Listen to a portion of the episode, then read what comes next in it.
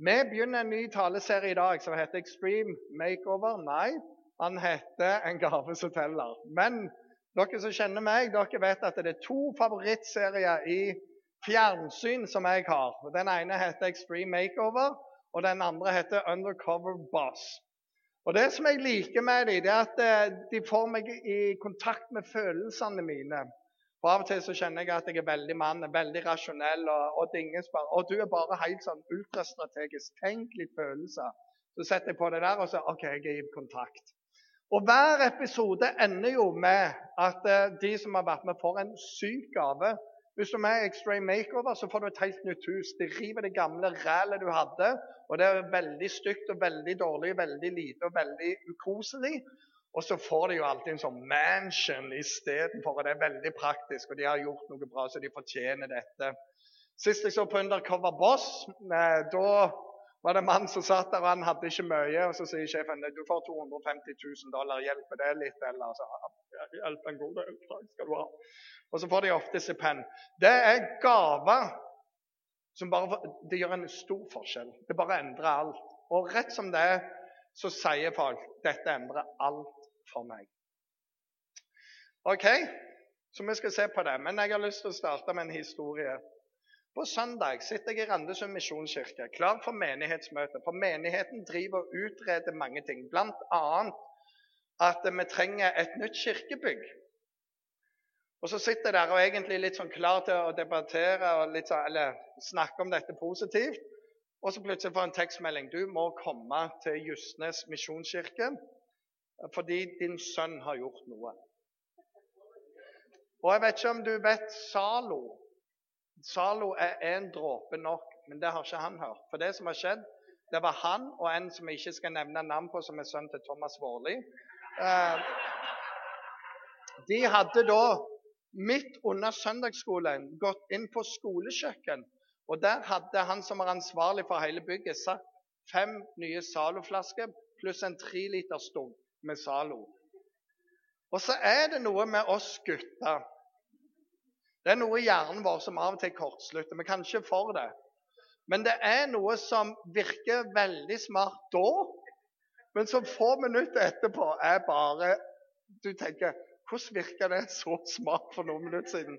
I løpet av et kvarter så har de to tømt alt, og det er ikke bare på gulvet. Og jeg fikk jo sjekka ut at det var ikke helt vadra, det gulvet. For i det ene hjørnet det er et basseng av grønn gugge. Men det var på benker, og det var på gryter, det var på plater, det var noen ting oppi taket og på vegger og alt. Og det tok de et kvarter. Men det tok oss 17 timer. Nå regnet sammen hvor mye vi måtte vaske opp etter dem. Og det er rart med disse perspektivene. Kortvarig glede. Zoom! Og når jeg kom der, og jeg var ikke happy, så jeg måtte gå fra jobb nå. Og jeg bare peker på han og sier du har iPad-fri resten av året. Og da skulle sitte han kameraten. Du kan ikke gjøre det. Jeg er faren og gjør akkurat hva jeg vil. Og så skal dere varme de varme i to timer. for de orker ikke mer. Og så sier vi etter en stund, når humoren begynner å ta over og så, ja, Det blir jo et talepoeng å gjette om. Det blir mange taler med Zalo-historien. Og så sier jeg dette kommer vi til å fortelle når dere kommer på konfirmanter. Nei, aldri! og så er det noen ting da som følger oss videre i livet. Dere må aldri si det hvis dere sier det! Da får dere ikke komme i konfirmasjonen. Det er vi som betaler hele greia. herrene. Og bryllupet og alt. Og de bare sier Nei! Skal dette forfølge oss resten av livet? På kvelden så fikk vi jo snakket litt med disse og roa de ned og sa du, det, hva tenkte dere på? Sant? Du har jo aldri et svar. Mødre de spør mange dumme spørsmål. For vi vet du tenkte ikke, det virka bare smart i nuet. Men når jeg hadde lagt han og forsikra han om at han ikke var en ond person fordi Bibelen starter ikke med syndefallet, det starter med kapittel 1. Der står at Gud skapte alt godt. Alt Gud har skapt, er godt. Når han skapte mennesket, så skapte han mennesket godt. Så noe av Guds karakter er boende i oss, og du er skapt god, du er god. Bare gjør av og til litt dumme ting. Forsikr om alle disse tingene her, Batman og sånn. Sett deg meg ned, og endelig skal jeg få ro. En time ute i programmet så har jeg Og han klarte ikke å roe seg ned. Måtte inn til han, og Kona mi var på jobb, og hun kom hjem klokka 11. og Hun måtte inn til han. Klarte ikke å tilgi seg sjøl hva han hadde gjort. Og Han visste han hadde én oppgave igjen. Og Det var neste dag, sammen med kompisen, gå ned på skolen med seks dunker Zalo. Jeg tror dere trenger de. Men han tenkte jeg, jeg kommer aldri jeg kommer aldri til å få det bra igjen. Og I dag så skal vi snakke om en gave som du kan ha som kan forandre alt for deg. Og Det er gaven som heter tilgivelse. Og når jeg forberedte denne serien, så, så, tenkte jeg at dette skal handle om å tilgi andre. De to-tre siste ukene så har det levd veldig sterkt i meg at denne talen først og fremst kommer til å handle om å tilgi seg sjøl. Å tilgi ting du har gjort som du ikke klarer. Og akkurat sånn som Simen hadde det, hvordan kunne det være? Det som virker så smart, det er jo så dumt. Så kan det være ting du har sagt, ting du har gjort. Så bare tenker jeg jeg kommer aldri, aldri til å tilgi meg sjøl for det. Og Akkurat nå så vet jeg noen av dere ønsker bare Dette orker jeg ikke høre på. Det borer så veldig dypt. Og har en bønn til deg. Sitt inn, våg å høre. For min del så er dette en sånn opplevelse av at av og til så er det bare sånn Dette må du forkynne. Da tror jeg at Gud ønsker det sterkt. Og det betyr at Gud òg har sett din smerte, sett hvordan du plager deg sjøl, hvordan du plages med disse tankene. Han ønsker å sette deg fri. Så til jul i år Hva om du kunne gi deg sjøl tilgivelse for det du har sagt, eller det du har gjort? Det er den første. Og så har jeg lyst til å legge til De to andre talene ligger ikke i dette hjørnet. Så hvis du syns denne er heavy, kom til de to andre. Odd Inge skal snakke om noe helt annet, og Dine avslutter dette halvåret. Og hun har forberedt sin tale i et halvt år. Du har lyst til å forme deg dit men å tilgi seg sjøl. Og av og til så tenker jeg sånn Å, jeg skulle ønske at jeg kunne ha gjort ugjort det jeg har gjort. Henger du med? Jeg vet ikke om du har tenkt det. Tenk om jeg kunne gå tilbake i tid. Er det en måte som jeg kan få dette ugjort på? Og svaret er nei. Det er ikke det. Men det fins noen måter å komme gjennom dette. Jeg har samla noen sitater av you can't undo the past, but you can certainly not repeat it. Dette er Bruce Willis som sier. Og det er bra. Det du har gjort før, du kanskje har gjort det ugjort, men du trenger jo ikke insistere på å gjenta det. Et annet You can't undo what you did in the past, but you can start a new future. Have faith, be confident, and move forward. En tredje You can't undo any wrongdoings from the past. All you can do is ask for forgiveness and let God handle the rest.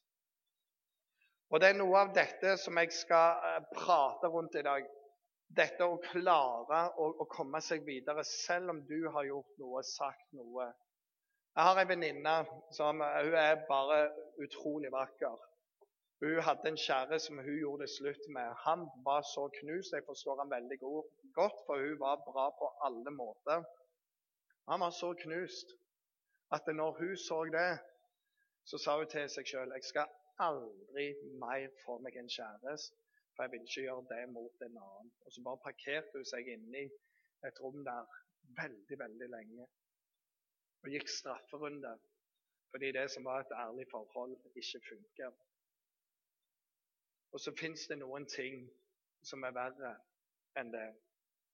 Peter, som var en av Jesus sine venner, han eh, sa til Jesus, 'Jesus, om alle andre svikter deg, ikke meg. Jeg er Peter.'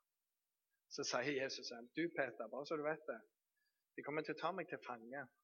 Og folk kommer til å løpe. Og du kommer til å banne og steike på at du ikke kjenner meg. Oh, no, no, no, no, sier han. Jeg er jo en av de første kristne i verden. Jeg banner ikke i det hele tatt. Og I løpet av noen timer der så har han bandt og sverga på at han ikke kjenner Jesus. Og Så står det i en av bibeltekstene når han har gjort dette, så hører han en hale en hane som gol, og da skjønner han det var det Jesus sa. Før hanen gale, så skal du ha fornekta meg. Og etterpå så møter han blikket til Jesus. Og han finner ikke en vei til omvendelse. Jeg har svikta min beste venn. Jeg har bandt og steikt på at jeg ikke kjenner og, og, av det, og jeg vet jeg har sagt mye dumt. Jeg har sagt ting som jeg bare angrer på. Peter finner ikke en vei tilbake, men Jesus finner en vei. For Peter sier til folk etter han stått, Jesus sier til folk etter han stått opp Gå og si til alle disiplene, og si til Peter. Og så møter han Peter. Og så har de en utrolig samtale der Peter finner en vei til tilgivelse, der han forstår Jesus har tilgitt ham, og han kan tilgi seg sjøl, og han kan begynne å bevege seg framover igjen. Og Peter blir en av de råeste apostlene som har vært. Men det var tøft for ham. Så i dag når vi, vi graver litt i dette her, så har jeg bare egentlig tre enkle punkt. Det du går og bærer på. Nummer én sjekk hvor reelt det er. Er det sikkert at det er din feil? Er det helt sikkert det? Det kommer noen til Jesus med en blind mann, og så sier de til Jesus 'Jesus, han er blind.' Er det han som har synda, eller er det foreldrene som har synda? For det var en utbredt forståelse av at hvis du var blind, stum, halvt, et eller annet, så var det noen som var, hadde synda, og det var kasta noe ekkelt på deg. Så hvem er det sin synd skyld dette er? Hvem er det som har synda? Og de visste det måtte være et eller annet, og han hadde fått prekt dette over seg hele livet. Du er syndig, derfor er det du blind. Det er din egen feil, eller det er dine foreldres feil. Noen har gjort noe galt. Og det som skjer når du hører sånne budskap, det er at eh, du går ifra å ha gjort noe til å være noe. Du går ifra skyld til skam. Jeg er født sånn. Jeg er født syndig. Jeg er alltid den som roter alt til. Hadde det ikke vært for meg, så hadde familien hatt det greit. Jeg ødelegger for familiene. Jeg ødelegger idyllen. Jeg har et eksplosivt sinne inni meg. Og det kommer ut jeg bare ødelegger glade jul med en gang. Hellige pryl. Og så er vi i gang igjen. vet du. Jeg bare sånn, kan ikke. Og det er alltid min feil. Og barn tar ofte på seg skylden for det voksne har gjort. Det er min feil at mamma og pappa gikk fra hverandre.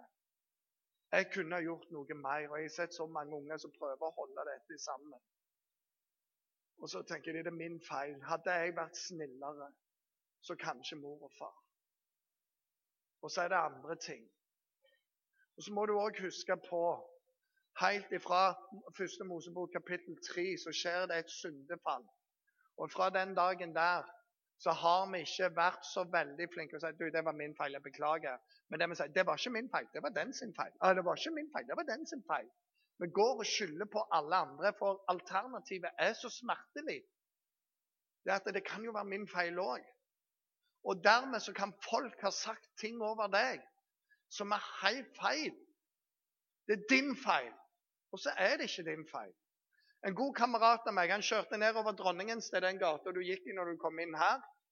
Og Så kommer det plutselig en bil ut og smeller i han fra sida. Han har aldri krasja før.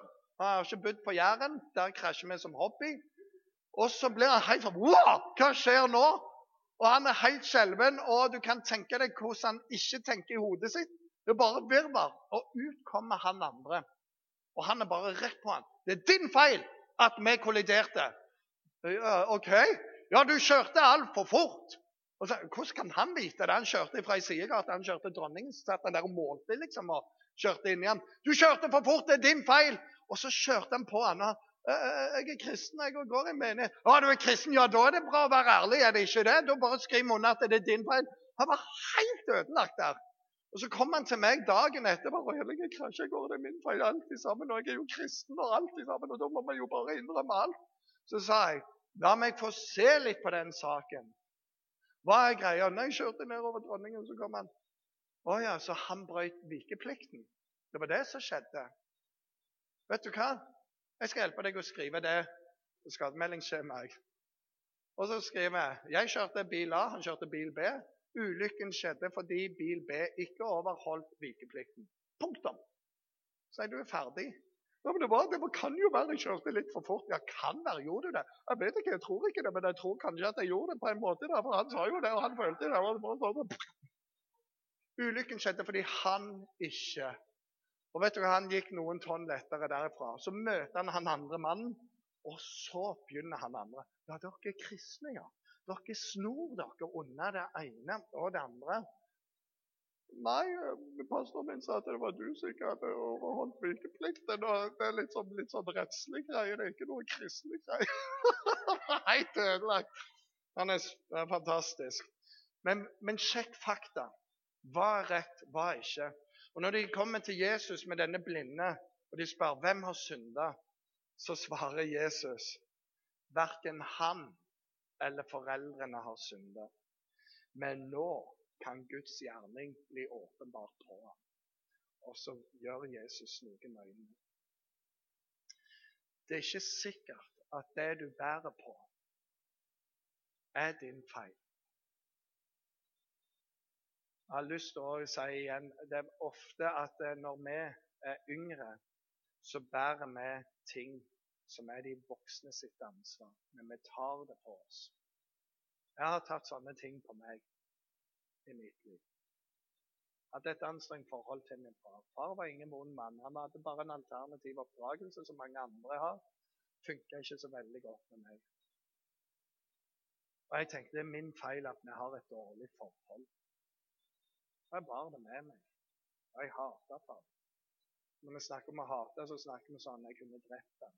Jeg tenkte når jeg er gammel nok og sterk nok. Så tenkte jeg det er min feil. Men et barn er uskyldig. Du må gå til rette med ting du tenker og det er ikke det jeg sier. Men barn tar på seg altfor mye og, og, skal veie opp ting. Finn ut hva som er hva. Og det gjør du når du snakker med en annen og sier 'Her er det jeg går og bærer på'. Hvem har synda? Nei, ikke alltid noen. Her er den neste tingen. Det fins en vei gjennom et sånt et landskap. Bibelen sier når vi bekjenner vår synd, så er Gud trofast og rettferdig. Så han tilgir oss for det vi har gjort, og han renser oss. Det vil si han gjør noe mer med det. Han renser såret. Av og til må vi bære ting med oss, men han renser det. Han sier det som var synd, når du bekjenner det, og når du omvender deg, så sier han, 'Jeg tilgir deg'. Det er hele Jesu død på korset. Det er far tilgir deg. Han tilgir deg. Og Det er to ting du ofte må gjøre. Fordi Veldig ofte så handler det om ting vi har gjort eller sagt mot et annet menneske. Står et annet bibelvers. Når du er på vei inn for å tilbe en plass, og du kommer på at noen har noe å anklage deg for, da skal du bare Eh, slippe alt du har i hendene. Det står om ofring. Der en, en hel setting rundt det. Men sier skynd deg og forlik deg med din neste mens han er med deg på veien. Det vil si, tilgi meg. Hvordan kan jeg gjøre opp dette her? Kan vi bli venner? Jeg var en tosk. Og du har én ting å gjøre, og det er bare å legge deg langflat. Hvis den andre sier ja, du var en sabla tosk, ja, ikke nok med det, jeg var en idiot. Ja, du var en idiot. Jeg var kanskje den største idioten av alle på jord. Ja, det syns jeg. Pluss litt til. Sånn, bare få det ut av det. Og jeg står her, jeg er kjempelei meg. Unnskyld, jeg skulle gjort Jeg skulle ønske jeg kunne ha gjort det ugjort. Men det kan jeg ikke, og det tærer meg. Kan du tilgi meg? Du søker og ber om tilgivelse til den det gjelder. Og så går du til Gud og ber om hans tilgivelse. Hva er det Bibelen sier? Når du har gjort det, så sier Gud saken din er ordna opp. Og så Hvis du tenker da på norsk rettssystem, så er det forskjellige. De anker oppover hele tida. Og øverst oppe er Høyesterettsrett. Hvis de feller en dom i en sak, så kanskje folk sier jeg er uenig. Jeg skal ha en ny sak i en lavere domstol. De sier du kan ikke komme her med anklager, for dette er avgjort i høyestes rett. Det er en evig dom. Sånn er han. Og når Gud sier 'Jeg frikjenner deg', du trenger ikke å bære på dette lenger, det er høyestes rett. Det står i Bibelen at djevelen han er en løgner og han er løgnens far. Han vil alltid stikke på såre punkter i ditt liv for å føle deg miserabel, for å få deg til å gi opp. Det står djevelen han er en løgner. Han, en, han kommer for å stjele, myrde og ødelegge alt som er i deg, og alt du har. Det er hans agenda. Han har det miserabelt, han vil du skal ha det miserabelt. Og Jesus sa, 'Jeg kom for at du skal ha liv og framtid'. Drikk av det jeg vil gi deg. Spis av det jeg vil gi deg. Her er det liv. Her er det fred. Og når han sier det er tilgitt, så er det så mange som fortsatt vil. For folk kan også si 'Jeg vil ikke tilgi deg'. Det du gjorde, det var 'Nei, jeg vil bare ikke'. Og du søker den veien. Du kan ha det så godt, du som har gjort sånn, du som alltid er så torsk. Jeg vil ikke tilgi deg. Så sier likevel Bibelen når du har bedt om tilgivelse, prøver å finne veien til soning og, og legger det fram for andre og legger det fram for Gud, så sier Gud jeg har tilgitt deg. Det at den andre ikke vil tilgi deg, det er den sitt problem. Men du trenger ikke å ligge under det problemet, for du har høyestes rett med det. Det er tilgitt. Når man har gjort det og det, så sier jeg ja, den smerten du har i livet ditt, den blir ikke helbredet ved at du ikke tilgir. For, for det er òg når vi velger å ikke tilgi, så velger vi at helbredelse ikke kan skje med oss sjøl. Samme hvor smertefullt det er. Det er den andre sida av dette her. Og tro meg, jeg har hatt mine ting som jeg har syntes vært vanskelig, men jeg har valgt å gjøre det. Men hvis Gud frikjenner deg, og det gjør han når du ber om tilgivelse til de du har gjort mot, ber han om tilgivelse. Eller du, hvis du ikke kan gjøre det med folk, så snakk med en annen. 'Jeg har gjort dette, jeg tok dette, det er ingen som vet om det.' 'Jeg skal gjøre opp for meg på en eller annen måte.' Og så Av og til så får vi lov å, sitte som pastor og si så får jeg være her og si 'Jeg tilkjenner deg syndenes forlatelse'. Du er fri. Vi lukker døra nå til den fortida, så ser vi framover. Så det er den andre tingen. Sjekk om det er reelt. Gjør opp med folk og gjør opp med Gud, og da har Han i høyestes rett sagt, eller i sitt ord, du er tilgitt. Og i dette her òg David, som var en konge, han gjorde litt rare ting. Og Han hadde gjort en vanvittig synd. Og Han holdt på han og holdt på han. Han visste han hadde gjort noe gale, og det tærte på han så skriver han dette i Salme 32. Salig er de som får sine lovbrudd tilgitt og sine synder skjult.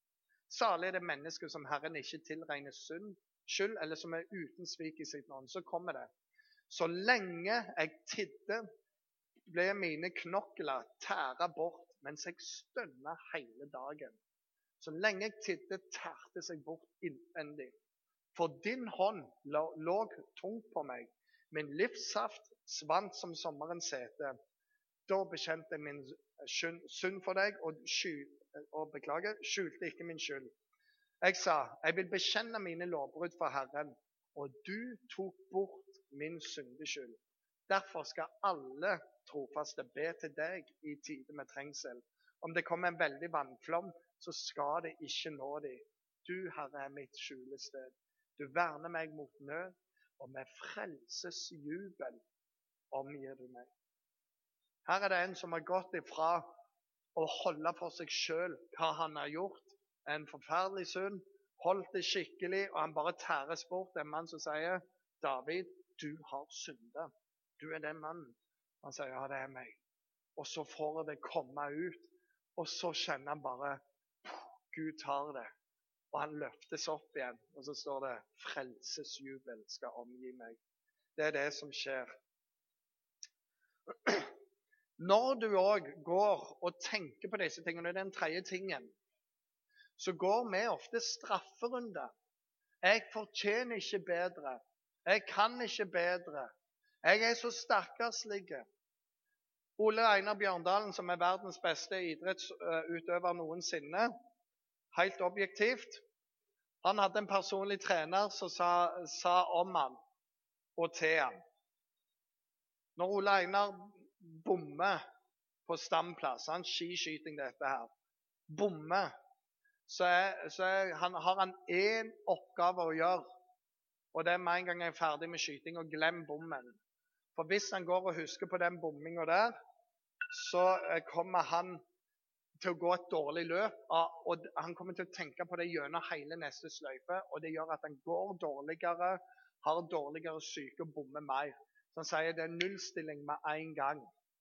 Og bare fortsette løpet som er, er lagt opp. Og, og, Det som er problemet for mange av oss, det er at det følelsene taler til oss. Men lytt ikke til følelsene dine. Prek til følelsene dine. Ja, du er elendig. Nei, det står der at han er trofast og rettferdig. Så når jeg ber om tilgivelse, så har han tilgitt. Ja, men du er elendig. Nei, det står at jeg er elsket av han. Ja, men du er ikke noe. Det står at han skapte meg god. Og så, og så må du begynne å forkynne til deg sjøl helbredelsen. En av de måtene som vi kan forkynne for oss sjøl, det er at vi gjør noe fysisk. I kveld så har jeg med et kors. Det er veldig lagt med hjelp av teknikerne her. Og Rett bak korset så ligger det en del steiner. Og det en kan gjøre det er bare sånn, Den tingen du har båret på altfor lenge, så min bønn er at du skal slippe å bære inn i denne julen og inn i neste år det du måtte ha. Det kan du i kveld få lov å gå fram og ta en stein så bare legger du det ned. Så sier Jesus, 'Jeg har båret det altfor lenge. Jeg gir det til deg.' Og Så sier Jesus, 'Kom til meg, alle dere som har tomt å bære.' Kom til meg. Legg det ned for meg. Så skal jeg gi deg noe annet å bære. For min byrde er lett, og mitt åk er ganglig for deg. Det er noe helt annet. Så i kveld så er det noe av den bønnen. Jeg skal slutte av med noe som kalles for sinnsrobønnen. Denne bønnen bes av anonyme alkoholikere, anonyme narkomane, Celebrate Recovery og mange tilsvarende ting. Og det er folk som vet På amerikansk side det er folk med hurts, habits og hangups i livet. Og de vet jeg har gjort ufattelig mye det er mye jeg ikke kan gjøre om igjen, men jeg kan leve et annet liv. Så står det Gud, gi meg sinnsro til å akseptere de ting jeg ikke kan forandre. Mot til å forandre de ting jeg kan, og forstand til å se forskjellen. Leve én dag om gangen. Nyte ett øyeblikk om gangen. Akseptere vanskeligheter som en sti til fred. Ta, som Jesus gjorde, den syndige verden sånn som han er, ikke sånn, at, sånn jeg ønsker han skulle være. Stole på at du, Gud, vil gjøre alle ting rett hvis jeg overgir meg til din vilje, slik at jeg kan bli rimelig lykkelig i dette livet og fullkommen lykkelig sammen med deg i evighet. Amen. Skal vi be? Himmelske Far, jeg takker deg for du kjenner oss. Du ser oss. Du ser akkurat hvordan vi har det. Og du ser denne tematikken den er så vanskelig, for den borer så dypt inni oss. Men her i dag ønsker jeg å be for deg som spesielt har båret på dette med å ikke kunne tilgi seg sjøl. Jeg har lyst til å inkludere deg òg som har hatt vanskelig for å tilgi andre. Herre, jeg ber om at du må hjelpe oss å slippe det og slippe deg til. Herre, hjelp oss å legge det ned for deg, sånn at du kan gi oss noe annet. Når vi kommer med vår byrde til deg, så gir du oss en annen ting, og det er din tilgivelse, din oppreisning. Herre, hjelp oss å kunne tilgi oss sjøl og legge det bak oss og se opp til deg og si jeg får leve en dag om gangen. Nyte et øyeblikk om gangen å være rimelig lykkelig i dette livet, men fullkomment lykkelig sammen med deg i evighet. Jeg ber om det i Jesu navn. mens vi nå ser ned eller lukker øynene, og lovsangstimen ser heller ikke, så er det noen jeg trenger å ta med i forbønn, og så rekker du opp hånda di. Dette lå veldig tungt på meg, det kan jeg bare si. Skal jeg ta det med i en enkel bønn? Du rekker opp hånda. Gud velsigne. Gud velsigne deg og deg og deg og deg og deg og deg. Bare ta hånda med deg. Det andre som ønsker å bli tatt med. Gud velsigne deg. La denne julen bli en bedre jul. La dette være en gave som du får gi til deg sjøl. Friheten. Til frihet har Kristus frigjort oss. La ingen eller ingenting tvinge deg inn i trelldom igjen. Så jeg spør bare en gang, skal jeg inkludere en til i bønnen her? Så rekker du opp hånda di. Gud velsigne og deg. Herre, du ser oss alle. Jeg takker deg for du tar imot alle som kommer til deg. Ingen støter du bort, uansett bagasje, uansett hva vi har gjort. Takker deg for ditt ord sier det at når vi har gjort opp vår sak, så er den ferdig. Han har avgjort i høyesterett av deg, og du sier du er tilgitt. Så ser du den gjengen som rakker opp hånda. Herre, jeg ber om de skal vite det. De er tilgitt. At de skal preke til følelsene, helt til følelsene følger det som er sant. I Jesu navn. Amen. Så under denne lovsangen som er nå, skal vi gjøre noe som er helt uvanlig. Vi pleier ikke å gjøre det. Vi har ikke tenkt å begynne å gjøre det til vanlig heller, men vi reiser oss opp. Og så ligger det noen steiner der.